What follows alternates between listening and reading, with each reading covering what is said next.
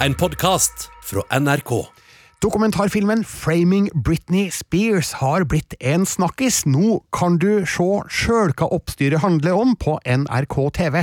Og på tirsdag kommer en ny avdeling av Disney pluss, voksenavdelinga Star. Vi har tatt en titt på hva som kommer dit.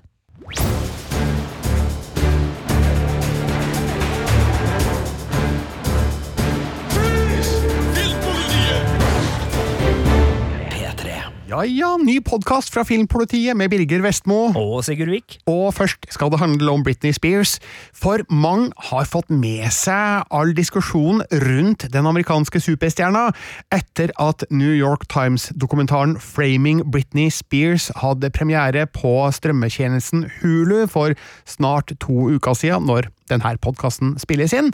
På ganske kort tid, vil jeg si, har våre venner i NRKs TV-redaksjon kjøpt inn denne dokumentaren, og den er nå tilgjengelig i NRK TV. Framing Britney Spears, altså. Og det er jo en eh, film som skildrer hennes eh, rise and fall, og den diskuterer det såkalte vergemålet som hun ble satt under i 2008, og som en del mennesker mener å vite at hun ønsker seg ut av. Og da handler det jo om den såkalte Free Britney-bevegelsen, som også du har registrert, Sigurd? Ja, det er en uh, bevegelse som uh, uh, mener at det må ja, rett og slett endres. Det er vergemålsrettighetene som gjør at faren da sitter ikke noe totalt, det er vel en bank med i bildet der òg, men, men, faren fremdeles er som verge, da, så det er jo en dokumentar som tar utgangspunkt i, i det. Og som du sier, skildrer historia bakover, og det er jo du som da har vært anmelder på det her, Birger Vestmo, og, og ja. trilla til med terning da, på, ja, da. på denne dokumentaren. Det ble en firer til Framing Britney Spears. Dokumentarfilmen i seg sjøl, rent eh, strukturelt og formmessig, den er ganske, ganske tradisjonell. Eh, den finner ikke på noen sprell, og det er masse snakkende hoder som eh, sier sitt om Britney Spears og hennes situasjon. Og det er en ganske enkel oppramsing av hennes vei fra barnestjerne fram til voksenstjerne, og de dramatiske hendelsene som ja, førte til hennes fall fra stjernehimmelen på slutten av 2000-tallet, sånn rundt 2007, 2008, 2009. Så jeg blir ikke veldig begeistra for filmen som film, men innholdet i den er jo eksplosivt, for det handler jo om vårt forbruk av eh, kjendiser i media. Hvordan Britney Spears ble hunsa og jaga av eh, journalister og paparazzier på vegne av oss, Sigurd. For vi har jo sittet og kikka på de her bildene i blader og aviser, og syns det har vært spennende og interessant å, å følge denne gærne damas eh, vei vekk fra rampelyset. Nå, nå overdriver jeg kanskje ordbruken her, men eh, det, det, er jo en, eh, et oppgjør med, med vårt medieforbruk, det her. Ja, absolutt, og jeg kjenner den, den treffer. Eh, nå har ikke jeg vært storkonsument av amerikansk underholdningstabloidpresse, men til og med liksom eh, Family Guy-serien, som er en animasjonsserie som jeg har hatt et eh, godt forhold til opp igjennom, har jo kødda med Britney Spears på bakgrunn av det her mediebildet. Så, så det er en, en dokumentar som, som svir litt for, for noen og enhver, og som, som du sier absolutt tar jeg vil si flere oppgjør. Eh, altså Én ting er det oppgjøret det tar med, med amerikansk tabloidpresse og, og, det bildet som de har vært med og skapt. Det tar et oppgjør med det kvinnesynet som eh, både ligger i eh, ja, det amerikanske samfunnet, det vestlige samfunnet, altså eh, verden, eh, og, og, hvordan det kan brukes eh, til å både fortelle historier, opp bygge opp under narrativ, men også brukes til å fremme karrierer, ødelegge karrierer. og Det, det, det gjør vondt å se uh, hvor nært det der egentlig er. Det, det, er ikke så mange år siden, så, så det er en god påminner, eh, og, og, også en tankevekker for, for vi i media og, og, hvordan vi bygger samfunnet vårt. Det, det, handler mye om hvordan historier vi liker å fortelle, og hvordan narrativer vi liker å bruke, og det her er en, et slag i magen som, som, viser at ja, eh, det her er en av dem, og det, og det her har skadelige effekter. Og så syns jeg det er en interessant metadokumentar, ikke nødvendigvis fordi dokumentaren sjøl er handler om det, men, men, den setter i gang en del prosesser som eh, handler om journalistikk. Både det der med altså Det er New York Times som lager denne dokumentaren. Det, det er en avisredaksjon.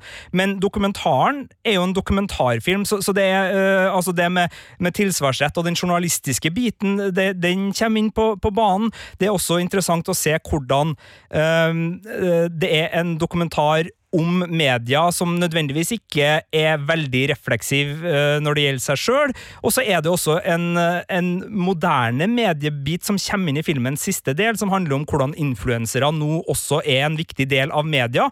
Uh, som brukes, og som jeg syns gir veldig gode inntrykk, men samtidig så problematiseres heller ikke det. Så, så jeg merker jo at dette er en dokumentarfilm som gjør at jeg sitter med en følelse av at vi vi har ikke fått den absolutte dokumentaren om det her enda. Den vil nok bli laga kanskje fram i tid, og hvis man tenker på dokumentarfilmer som eksempel uh, eh, OJ Made in America, som klarer å se på uh, større sammenhenger på et mer analytisk vis, så merker jeg jo at det er et savn med denne dokumentaren, for den er ganske tett på. Den forteller ganske uh, Ikke enkel historie, men altså den, den forteller med ganske enkle virkemidler, og både når det gjelder det rettslige, altså det som går på vergemålet, det som går på, på medias rolle. Der føler jeg at eh, det kunne ha vært laga en større og bedre dokumentar. Eh, men det her er en pågående rettsprosess som, som senest i forrige uke var det vel eh, fikk en, en ny dom, eller en opprettholdelse av, av, en dom, så det er jo en pågående prosess. og Det er klart, det er nok for tett på nå til å være i stand til å virkelig klare å se det her med, med avstand, men det, det, er veldig fascinerende. Det slår bra fra seg, og, og sjøl om kanskje dokumentaren som dokumentarfilm ikke er blant de aller sterkeste, så er det her en dokumentar som virkelig gjør inntrykk, og som det er veldig lett å anbefale folk å, å se, syns jeg. Ja, Det er jo kjent at Netflix jobber med sin egen dokumentarserie om Britney Spears, så kanskje der får vi de aspektene som du etterlyser i denne dokumentaren, som jo bare varer i én time og elleve minutter, er det vel?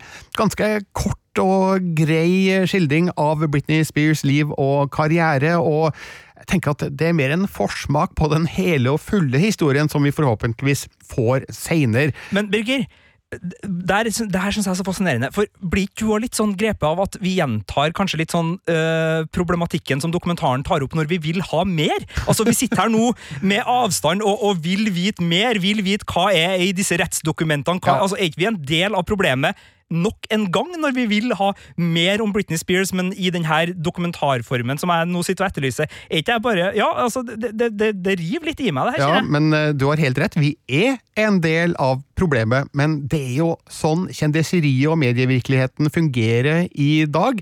Vi vil ha mer av det som interesserer oss, og Britney Spears hun interesserer oss fremdeles, sjøl om hun har jo ikke vært aktiv på noen år nå.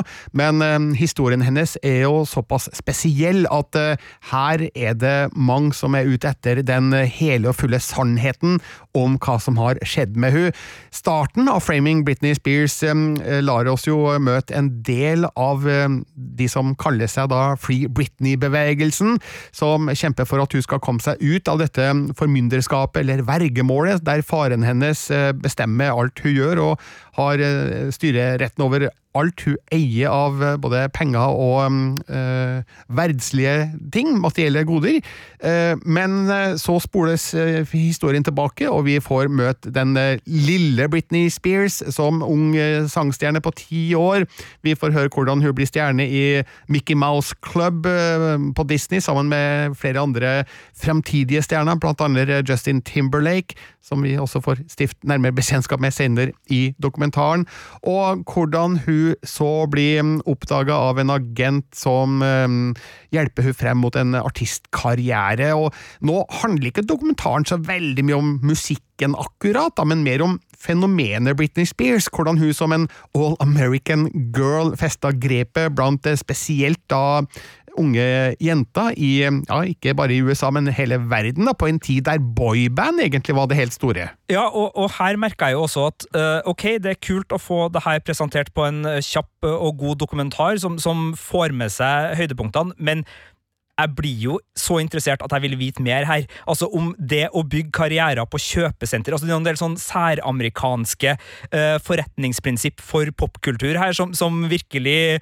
uh, trekkes fram. og Alt fra Mickey Mouse-klubben til kjøpesenter til uh, sangkonkurranser og barneagenter. altså Det er jo et, et, en del av den amerikanske underholdningsindustrien som fascinerer. og Jeg merker jo når det her kommer på, på løpende bånd, ganske sånn kjapt og effektivt fortalt, så sitter jeg jo og tenker søren, det her er interessant, det her er fascinerende. Og hvis det hadde kommet eh, For det er det jeg mener også med, med, med det jeg savner, er ikke nødvendigvis det at jeg vil vite det som skjedde med Britney Spears, men hennes historie griper inn i amerikansk underholdningshistorie på så mange vis, og det er så mye interessant der at det, det, det også den på en måte um, appetitten på, på analyser og, og, større bilder som hele tida trigges da underveis i denne dokumentaren, fordi det er så fascinerende. Og så er det jo ikke å komme ned at det her er jo også, for oss to i hvert fall, da, Birger, en, en medievirkelighet som er uh, noe vi sjøl opplevde i sanntid. Altså, vi er, ikke, altså vi, er gamle, vi er, så gamle at vi, at vi, husker det her, så det er jo også fascinerende å tenke tilbake på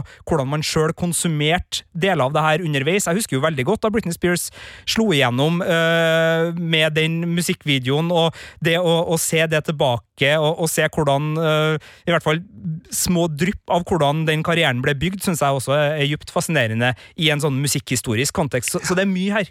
Men det er forstemmende i dag å se hvordan hun ble behandla av visse medier eh, da hun var vet ikke, 17-18-19 år gammel.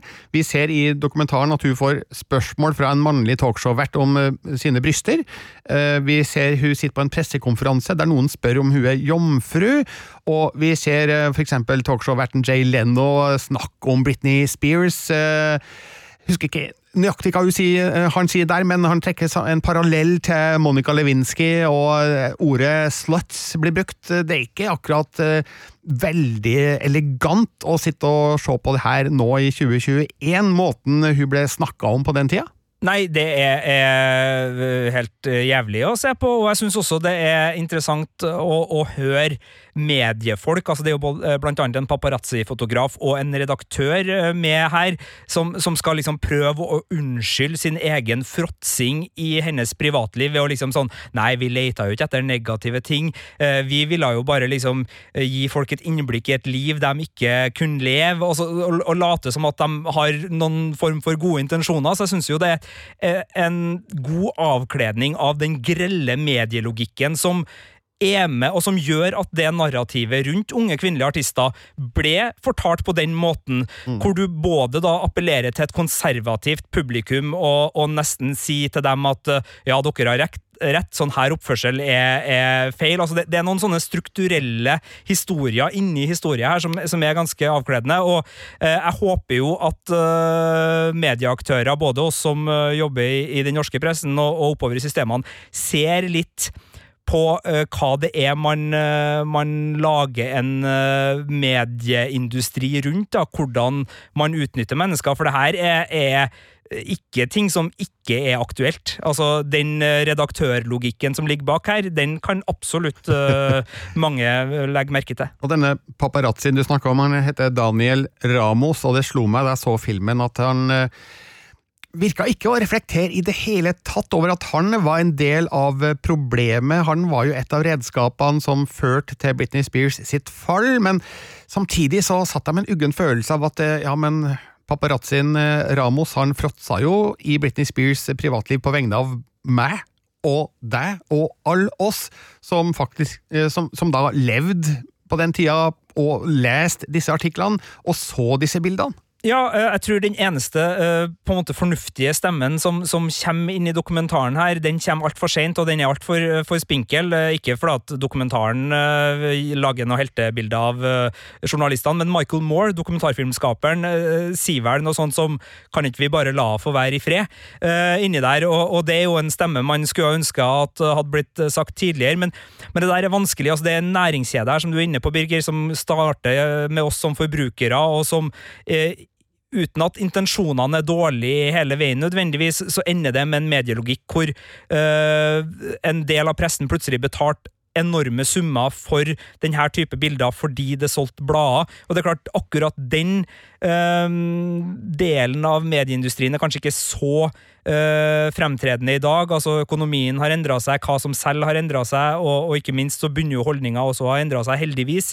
Men, men, det er en uh, fascinerende prosess hvor det er lett å peke og være uh, skadefro og peke skyldig på, på fotografen.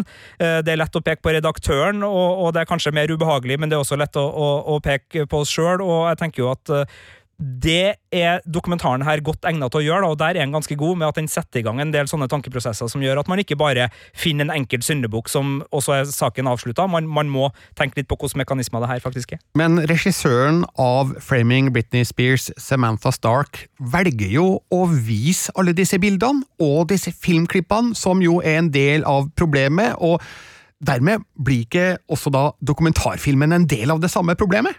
Eh, det er i hvert fall uh, lite refleksivitet å spore i dokumentaren uh, ved at den er en del av det økosystemet som kjendiskulturen er. Og det er jo derfor vi, vi snakka litt om det innledningsvis, at man sitter med en sånn følelse av at man uh, kan lure seg sjøl til å tro at nå er det så mye avstand, og at herre gangen, når jeg er ekstremt fascinert og krever mer og mer innhold om Britney Spears, så er det en god gjerning, for nå er jeg på en måte på Britney sitt lag, eller et eller annet sånt der. Men, men det er absolutt en del av øh, et økosystem hvor media, kjendiseri uh, Her er det jo også et element av true crime, nesten, ved at man får uh, en, en, mulig litt sånn uh, rettskraftig dom så, og, som, som har avla konspirasjonsteorier rundt uh, hvordan Britney har kommunisert med fansen. Og sier ikke nødvendigvis at de uh, konspirasjonsteoriene er feil, men vi har jo sett flere eksempler på at av og til så kan uh, fans bli forleda og, og, og gå langt da, når de er veldig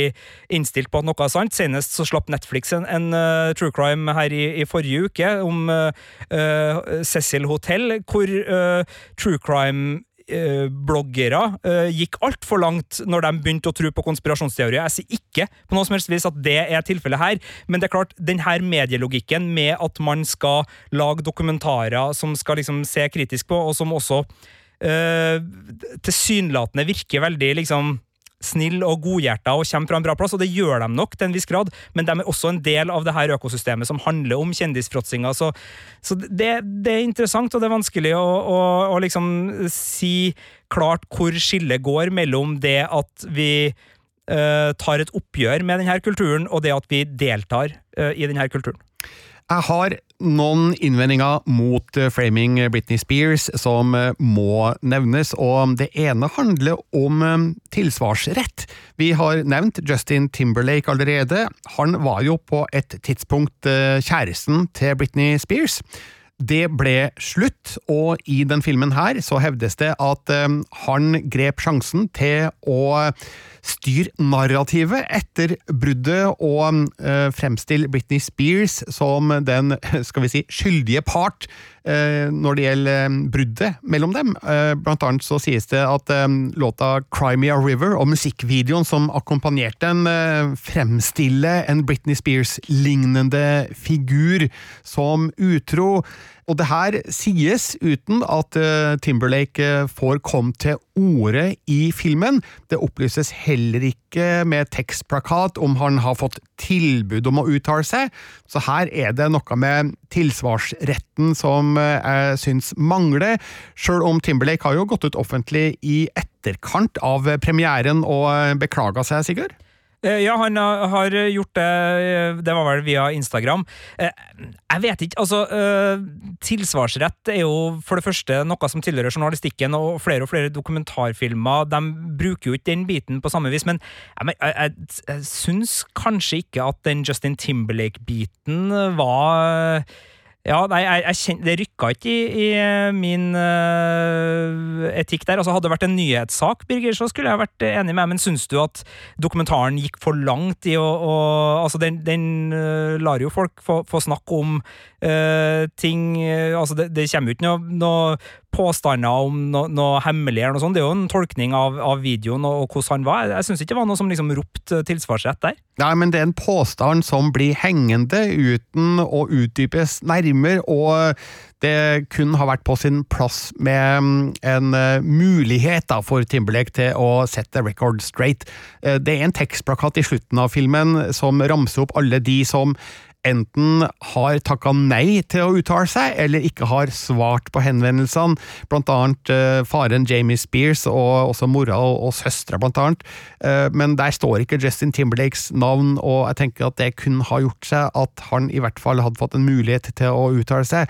Men det mangler jo noen stemmer her, da. Som jeg sa, faren Jamie Spears, som er en viktig del av uh, hele dokumentarfilmen, han har ikke fått uttalt seg her, enten av egen fri vilje, eller at han Eh, det er litt uklart da med den tekstplakaten om han har takka nei, eller om han ikke har svart. Og hvis han ikke har svart, har han registrert Altså har han mottatt henvendelsen? Vi vet ikke. Der er filmen litt uh, uklar. Ja, Jeg er ganske trygg på at New York Times har fått overlevert den henvendelsen. Det vel, Når det gjelder Britney sjøl, det stilles uh, litt spørsmål i dokumentaren om hun har fått henvendelsen i det hele tatt. Ja. Uh, og det er jo fordi at det her går jo gjennom det samme vergesystemet som dokumentaren setter et kritisk søkelys på. Men jeg føler meg vel ganske trygg på at faren til Britney Spears og Britney Spears sitt vergesystem, da, for det er jo en bank involvert her, og det er advokater osv., osv., har hatt muligheten, spesielt fordi en av advokatene som har representert, og igjen representerer faren, er jo med i denne øh, dokumentaren også, riktignok på et tidspunkt tilsynelatende hvor hun ikke direkte er eh, ansatt, men, men, men den biten føler jeg vel også er altså at de har prøvd, men altså om uh, hvilke anstrengelser man skal gjøre, og hvor langt man skal gå. Der er jo alltid en journalistisk avveining. altså Holder det å gi noen uh, et tilbud til å uttale seg? Skal man gå videre og ønske svar på konkrete spørsmål, osv.? Det der er jo en journalistisk beslutning. Det jeg syns er litt merkelig, i og med at det er The New York Times som, som står bak det her, er mer det at de spiller av et lydklipp i, som har blitt gjengitt i en podkast som handler om Britney Britney Spears, som er laga Nå husker jeg, Hva heter den podkasten igjen, da? Britney's Gram. Det er det. Og, og, og, og der eh, påpeker dokumentaren at de ikke har fått verifisert kilden til lydklippet. Eh, men de spiller det allikevel av i sin helhet. Og det er en litt sånn journalistisk interessant greie. Det her er en liten detalj, altså det, det er ikke noe som liksom har med, med, sakens framstilling å gjøre sånn veldig, men altså, hvis man uh, har et lydklipp som er kontroversielt, for her er det da en uh, person som uh, utgir seg for å være en del av advokatteamet, eller det, det rettslige teamet som, som, da har bistått uh, vergesida av, av, saken, som, som ringer inn og forteller eh, hva han da angivelig vet om, om Britney. Eh, og, og, det er helt greit å bruke det klippet, og, og, jeg tror nok altså jeg, jeg, har ikke noen grunn til å mistro det klippet, men det at de bruker en tekstplakat for å si 'vi har ikke fått verifisert det der', det, var en litt sånn snedig greie med tanke på de journalistiske ressursene New York Times sitter på. Men det er klart det her er en dokumentar som ikke nødvendigvis er laga av New York Times sine journalister, det er jo laga av FX og, og Hulu. Uh, så, men det var, det var, litt sånn snedig, en liten sånn detalj da, fra, som synliggjør litt sånn utfordringer som kommer med at troverdigheten til The New York Times som journalistisk leverandør er en del av avsendersida her, men jeg syns dokumentaren lener seg veldig mye på et journalistisk arbeid som ikke er gjort av The New York Times, men som er gjort av nettopp disse podkastjournalistene og eh, de som står bak Free Britney-bevegelsen og den hashtaggen, og en del intervjuer med sentrale aktører.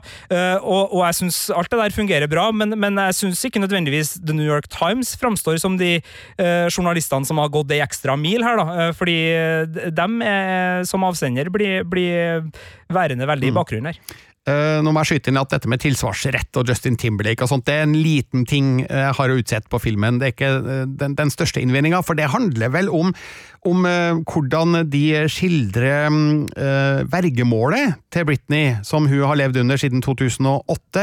Jeg tenker at her har dokumentaren en, en ganske klar slagside da, mot denne Free Britney-bevegelsen. Du har 20 personer som er helt i harnisk over at Britney er under et vergemål som som uh, hun selvfølgelig ikke skulle ha vært under, og faren mistenkeliggjøres, og han er en skurk, og uh, her er det noe mørkt og sinister som uh, foregår. Hun blir sannsynligvis lurt for store penger her av folk som urettmessig da karrer til seg hennes millioner. Det er det inntrykket man sitter igjen med, da, etter å ha sett um, Framing Britney Spears, og her er det også Tittelen kan jo henspeile på det, at Britney Spears blir lurt. Eh, men jeg tenker at eh, det har ikke dokumentaren helt belegg for å påstå, da, eh, fordi jeg har lest meg til i hvert fall at reglene i California for vergemål er veldig strenge, og når retten da mm, godkjenner vergemålet i 2008 og har opprettholdt det flere ganger, så tenker man at skal man da stole på at rettssystemet i California er såpass godt at uh, her er det grunnlag uh, for det. Uh, det er jo et par stemmer i filmen som jeg skulle til si snakker for vergemålet. Altså, du snakka om Vivian Lee Thorin, som da har representert Jamie Spears, og gjør det nå igjen, etter at hun ble intervjua for denne dokumentaren. Altså, hun påpeker jo at en, en slik vergemålsordning den eksisterer jo faktisk da for å beskytte den som verges. Så her må jo da den californiske retten ha øh, bestemt at ja, Britney Spears hun trenger å bli satt under dette vergemålet. Av grunner som vi kanskje ikke veit helt hva er for noe, for det sier jo da også en annen advokat, Adam Strayson, som har representert Britney Spears at da vergemålsordninga ble godkjent av retten i California i 2008, så um, fortalte dommeren han at uh, han satt på en medisinsk rapport som han ikke fikk tilgang til. Slik at da tenker man jo sitt Er det elementer her som ikke er kjent, som er unndratt offentligheten?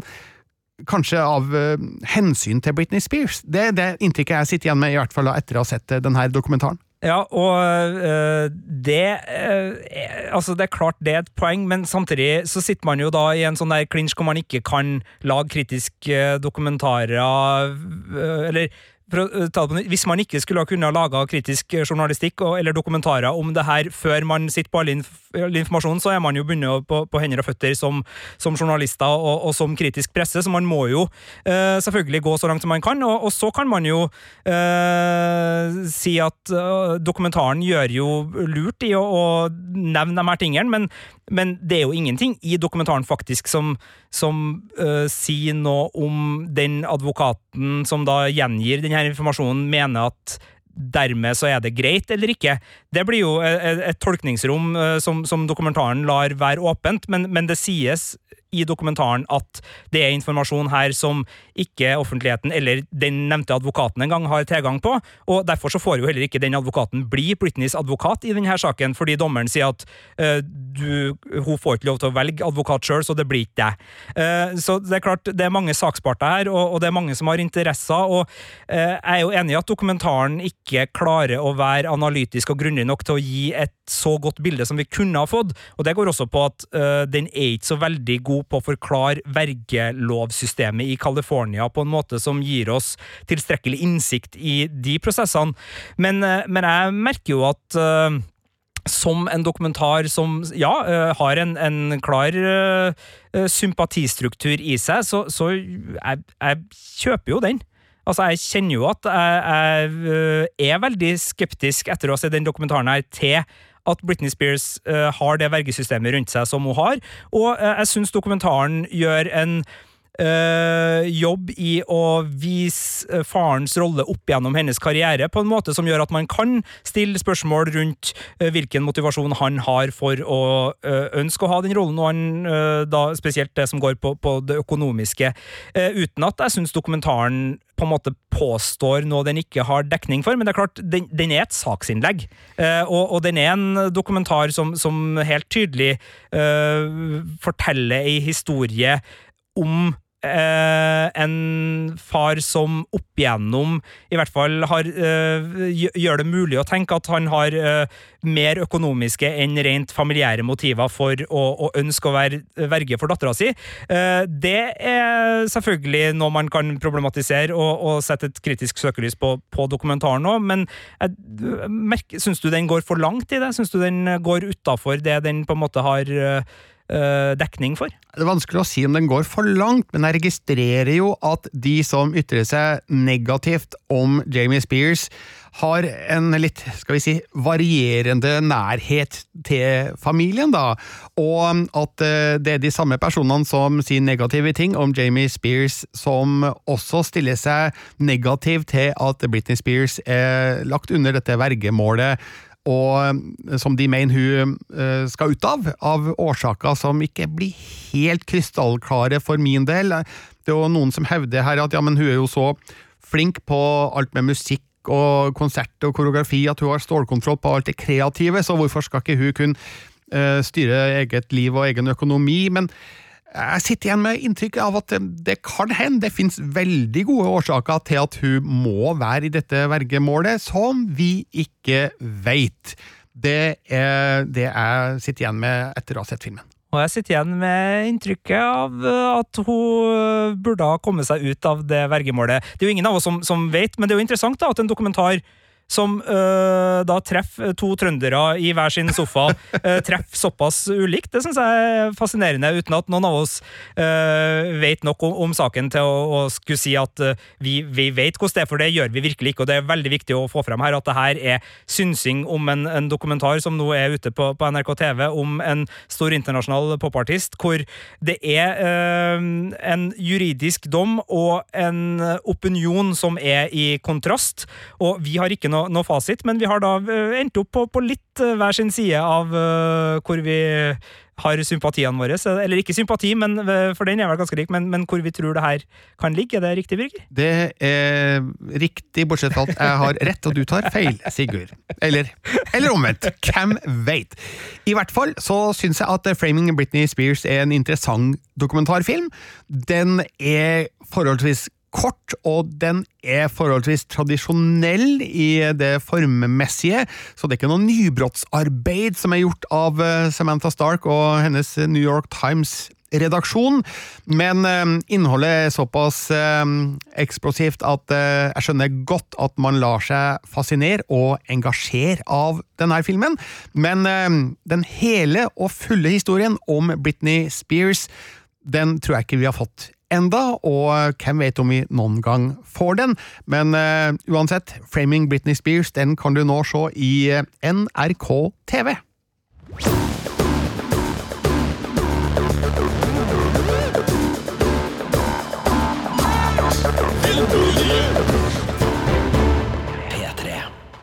Da skal vi til Disney pluss, for der skjer det noe ganske spennende for abonnentene rimelig snart, Sigurd? Det stemmer, for på tirsdag den 23. februar så åpner Disney pluss for alvor opp en eh, avdeling som gjør dem til en, ja, en direkte konkurrent med Netflix i en enda større grad enn de har vært, for så langt så har Disney pluss fokusert på familie, det familievennlige innholdet som eh, Disney, også gjennom da sine innkjøpte avtaler med Pixar, Marvel og Star Wars, sitter på, men nå åpner de opp eh, for et mye bredere publikum, et mer voksent publikum. De kaller på alle sine rettigheter og drar inn gammelt, godt innhold som Titanic, Die Hard, 24, Lost, og i tillegg så slipper de nye originalserier når da Star lanseres. Og det er fire nye originalserier som kommer da på tirsdag. Jeg har uh, kikka så vidt på tre av dem. Uh, og jeg tror vi må starte med den som er aller best, Birger. Fordi Rick and Morty-fans, hold dere fast. Det kommer premiere på voksenanimasjonsserien Solar Opposites. It feels like I'm the only Slorpian who wants to escape this planet. What up? We're aliens. Make room at the table. You know, Terry, everyone in the neighborhood hates us. You boys want some peanut butter cookie? Oh, she's threatening us. I'm freaking out. Why are you dissecting your classmates? She was mean to us at school. I'm gonna beat you up really bad. Whose ass was I gonna kick again? Just keep doing that until she's cool. Wow, it really is making her dumber. I can't believe humans drink this stuff. Solar Opposites, altså. Rick and Morty-fans snakka du om i sted. Jeg vet ikke om du bør si hva Rick and Morty er for noe? Rick and Morty er en uh, animasjonsserie som tilfeldigvis nå i Norge er tilgjengelig Ja, det er vel både på Netflix og HBO Nordic nå, tror jeg. Uh, som er noe av det drøyeste og voldeligste og herligste galskapen du får av, av animert uh, satirekomedie. Det er da om Rick og barnebarnet Morty som drar rundt i verden i ulike dimensjoner og ulike galakser på eventyr. settingen er forstads-USA, på sett og vis, og Rick er da en genial og alkoholisert vitenskapsmann som sørger for at det her uh, har en, en viss uh, rølpete side. Veldig, veldig populær, veldig, veldig bra. en sånn serie som selvfølgelig appellerer til folk som har elska Simpsons, South Park, Family Guy, American Dad, The Cleveland Show osv., osv., men den går lenger enn disse seriene. Den tar humoren til en drøyere plass, og den har også et vemod og et alvor som gjør at feelgood-faktoren uh, er til stede, men av og til så, så sitter du igjen med et litt sånn ja, lufta har gått ut av magen omtrent, fordi det, det, det, den treffer noen uh, sånn ganske vemodige toner oppi alt det her som, som, slår fra seg. Og det er da den ene av de to skaperne bak Rick and Morty som uh, står bak Solar Opposites. Han heter Justin Royland, og han har fått med seg Mike McCannahan, uh, McMahon, unnskyld, til å lage denne serien, og begge har jobba på Rick and Morty, så det, kommer veldig derfra. Og Justin er også stemmen til både Rick and Morty, hvis jeg husker riktig, og han har også uh, den stemmen vi hørte ganske mye av i lydklippet her, så, så, det er mye som ligner.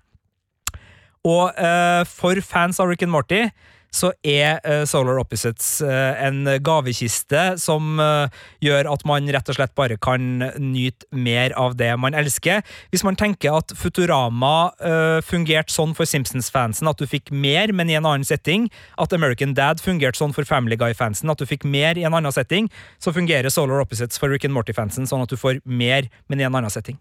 Men det høres jo absolutt eh, ut som noe som ikke kunne ha tilhørt det vanlige Disney Pluss-universet. Det, det, her er så voldelig og fælt og, og fullt av Altså, kroppsvæske nivået i den serien her er, er på 80-90% Altså Det tyter så mye blod, oppkast og diverse, for det her handler da om fire aliens som har havna på jorda etter en krasjlanding.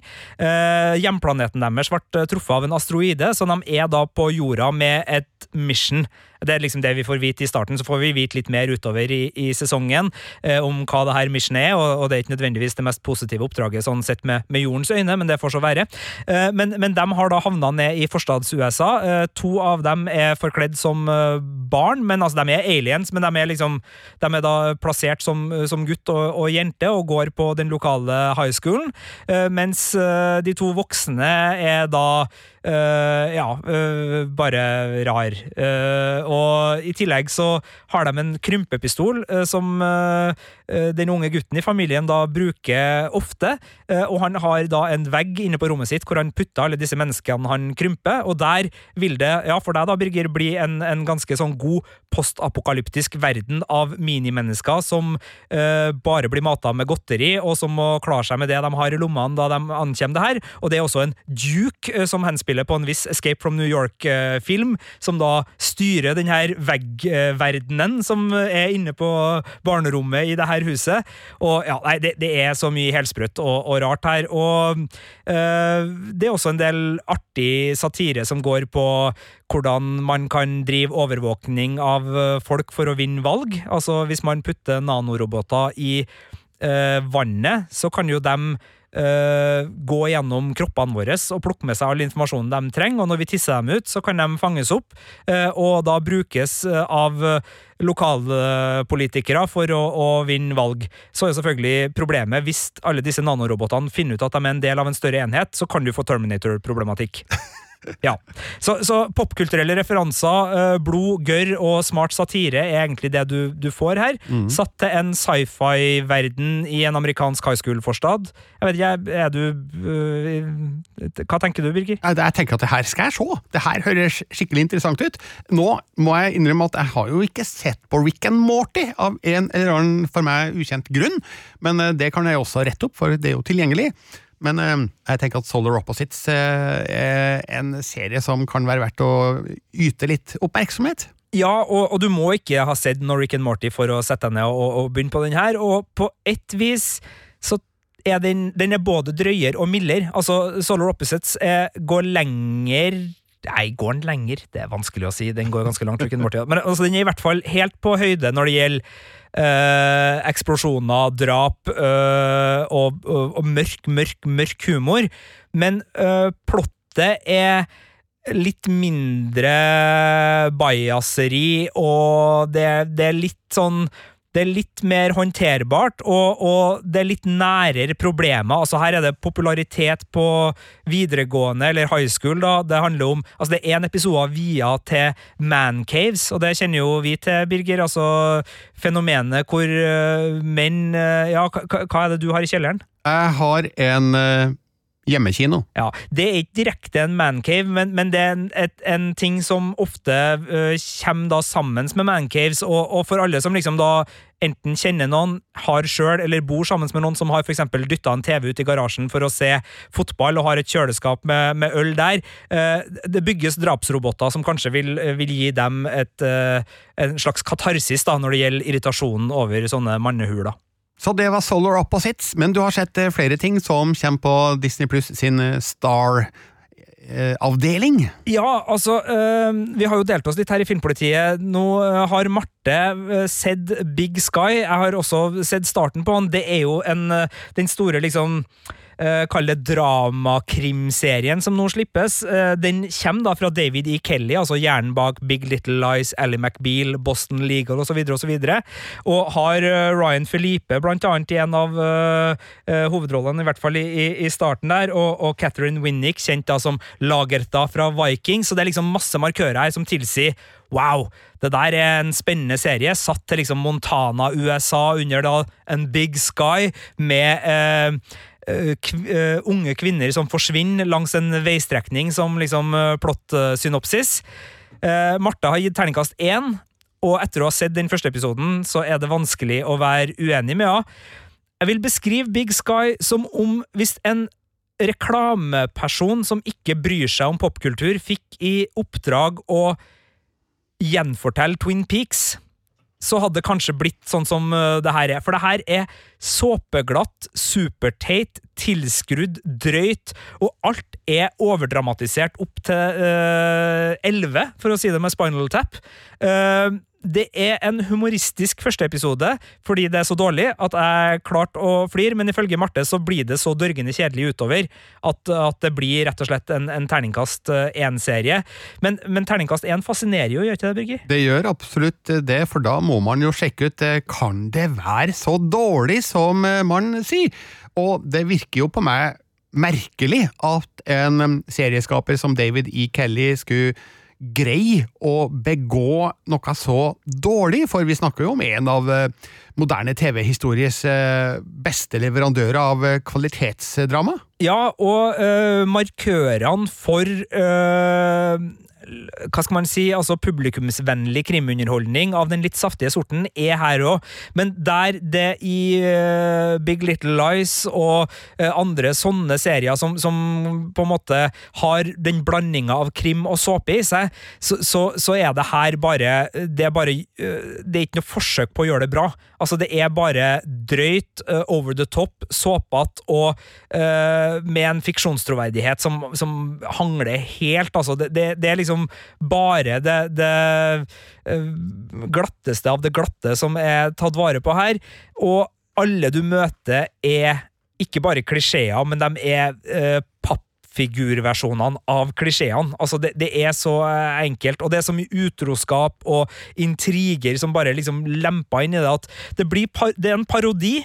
Men det virker ikke som om fortsettelsen er en parodi, og hvis du da har en parodi som du prøver å gjøre alvorlig, så kan det hende at du får litt problemer. Så, så jeg har bare sett første episoden, og ti minutter av episode to, da ramla jeg av, for Martha hadde jo tatt støyten ved å anmelde her til terningkast 1, som sagt. Den ligger ute på p3.no filmpolitiet. Eh, Så, så jeg, jeg hoppa rett og slett av. Jeg, jeg var ikke interessert nok i å se det trailerkrasjet en gang Nei. til å fortsette. Jeg tror ikke at jeg kommer til å gi denne serien en sjanse, fordi eh, altså, livet er for kort til terningkast én-serier. Men eh, hva med Love Victor? Den har jo jeg visse forhåpninger til, fordi for eh, ja, snart tre år siden blir det nå, så anmeldte jeg filmen Love Simon, som jo er et utgangspunkt eh, her. Eh, Jeg ga den ternekast fire og kalte den en søt high school-film som godt kunne vært mer rocka. Ja. Det er vel eh, litt sånn inntrykket jeg sitter med etter å ha sett starten på serien også. Eh, det er en serie som plukker opp tråden fra filmen direkte, så det er en ren spin-off-serie. Men det er da ikke Simon, det er Victor som er hovedpersonen her nå. Han ankommer den samme high schoolen som Simon gikk på, eh, og historiene om Simon sine eh, romantiske erobringer, altså det, det jeg skal ikke spoile Love Simon fullt og helt, men den avslutter med et veldig romantisk øyeblikk på et tivoli oppe i et pariserhjul, eh, og, og den historien er noe som møter Victor da han ankommer denne historien. Eh, han er øh, litt sånn Han kommer fra Texas med familien. Han er vel litt i tvil om egen seksualitet, men øh, er småforelska i øh, en gutt på skolen ganske umiddelbart, og han henvender seg da til Simon for å, å, å liksom få ut sine frustrasjoner gjennom Instagram, og, og Simon svarer han da, så Simon er også med i denne eh, serien. Så er han også litt interessert i ei jente i, i starten av denne serien, så man har liksom da en liten sånn Uh, skal han uh, fortelle faren om det her? For faren er en litt sånn som, som fleiper med uh, maskulinitet, og, og som vi ser tidlig i, i serien. Han har liksom ikke gjort narr av på en slem måte, men gjort litt narr av en person som han antar da for å være homofil. Så, så, så Victor er litt usikker på, på hvordan blir det her å, å fortelle foreldrene mine. og så er det jo da en, en stor forelskelse med, med Benji, da, i hvert fall sånn som det legges opp til i starten av serien, som da, eh, Nå skal ikke jeg foregripe begivenhetenes gang, her, Birger, for jeg har ikke sett det, men, men det er jo ikke umulig at vi da følger en lignende eh, dramaturgi som filmen Love Simon hadde. Nemlig. Men er det også sånn da i Love Victor og ja, de fleste andre filmer om homofil kjærlighet at eh, homofilien i seg sjøl problematiseres? Nei. Eh, Det er en veldig Altså, det, det er- helt naturlig og, og fint, og det er ikke en, en film som gjør noe øh, nummer ut av det, utenom det familiebiten. Altså det å, å øh, fortelle sine foreldre øh, at man er homofil, er også en del av den her øh, det her serieuniverset. Uh, og, og det er en uh, ikke, Det gjøres ikke noe stort problem, men, men det, er noe, det, er, en- det ligger noe Viktor må på en måte finne ut av hvordan han skal gjøre, og noe han velger å ikke gjøre i starten. Men utover det så gjøres ikke noe nummer ut av det, og det er ikke uh, noe, noe sånn uh, gammelt og traust med at uh, homofili er noe annerledes og noe rart eller noe sånt som helst. Så, så, så den er ikke der i det hele tatt. Det er en ny serie til som kommer på Disney pluss sin Star-avdeling eh, nå på tirsdag, eh, som allerede er kansellert. Altså ikke Star, men serien. Ja, øh, det er Hellstrøm, og da snakker vi ikke om vår Hellstrøm, men den Marvel-baserte øh, superheltserien Hellstrøm, som da hadde premiere i oktober 2020 på Hulu, øh, og som ble kansellert i desember 2020. Så det kommer ikke flere sesonger av den, øh, men det kommer én øh, sesong av den. Og den har ikke vi fått øh, pressetilgang på, så den har jeg ikke rukket å, å sett noe på, så jeg, så jeg vet ikke hvordan den er. Men det er klart, det gjør jo noe med motivasjonen når man vet at en serie allerede er kansellert før man skal gyve løs på den. Det gjør jo det. Er det ikke litt rart at eh, Disney Star bruker den som en av lanseringsseriene, når eh, vi vet at den er kansellert etter bare den første sesongen? Ja, altså øh, Det er jo en av de store seriene som Altså, øh, Star bruker jo Hulu og FX-serier i stor stil. Det er to amerikanske serieleverandører som har på hver sin kant levert veldig mye bra. Så Hulu er dem som har laga annet The Handmaid's Tale, og FX er dem som har laga The Americans, Justified, Atlanta og, og en haug med kvalitetsserier. Disney eier nå, i hvert fall øh, i, i, i en viss grad, begge de eh, leverandørene. Og, og de er til en viss grad også eh, sammenfallende i USA nå. Man har FX eh, for Hulu. Det er forresten også dem som har laga Britney-dokumentaren vi snakka om tidligere i den her, men den er da også da via New York Times solgt til NRK. Så ja da, velkommen til en helsprø strømmeverden, folkens.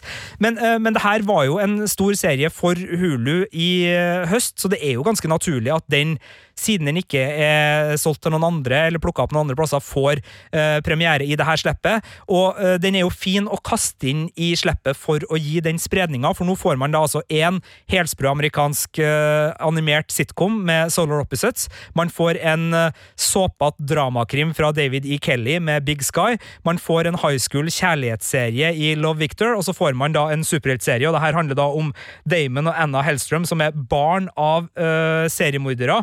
og og som uh, da skal, skal jakte på, på, de verste av de verste. Så, så, på papiret så framstår jo det her naturlig, og det er ikke sikkert at Hellstrøm er dårlig, selv om den har blitt kansellert. Altså, Karnivale, Birger, en av dine favorittserier. Hva skjedde med den? Tidenes tristeste kansellering etter eh, bare de to første sesongene. Så det her kan jo være en ny kjærlighetssorg for deg, der du setter deg ned, begynner å se Hellstrøm, og så vet du at det her er en kjærlighet som har en utløpsdato, og som kommer til å Altså, jeg, jeg vet ikke, jeg har ikke sett Hellstrøm, men, men jeg blir jo fascinert av prinsippet, mm. og, og, jeg digger jo mye av det Marvel lager, så jeg kommer jo til å sjekke ut eh, Hellstrøm òg, men uh, jeg har ikke gjort den ennå. Og, og, og, som sagt, jeg kjenner litt at uh, når den er kansellert, så, så, sitter jeg med en sånn liten sånn ja ja. Men som vi vet, det er så lett å plukke opp serier for andre nå, så hvis uh, Sjøl om Hellstrøm er kansellert, kanskje Netflix plukker opp uh, Saligheten, sånn som de har gjort med blant annet Brooklyn 99, og som Amazon Prime gjorde med The Expanse. Altså, man vet aldri, Birger Vestmo. Men det var altså da lanseringsserien til Star-avdelinga på Disney pluss, som åpner da tirsdag 23. februar. Der er det også hundrevis av andre filmer og serier, og det har vi snakka om tidligere i en podkast som du finner på samme sted som du fant denne podkasten. Og så må du sjekke ut alt vi gjør på P3 hver søndag fra 12 til 15. Alle anmeldelsene vi har lagt ut på p3.no filmpolitiet, og så må du mer enn gjerne følge oss på både Instagram og på Twitter. Og med det så sier vi takk for følget, og ja, vi to som har sittet i studio i dag, er Sigurd Vik og Birger Vestmo. Du har hørt en podkast fra NRK. Hør flere podkaster og din favorittkanal i appen NRK Radio.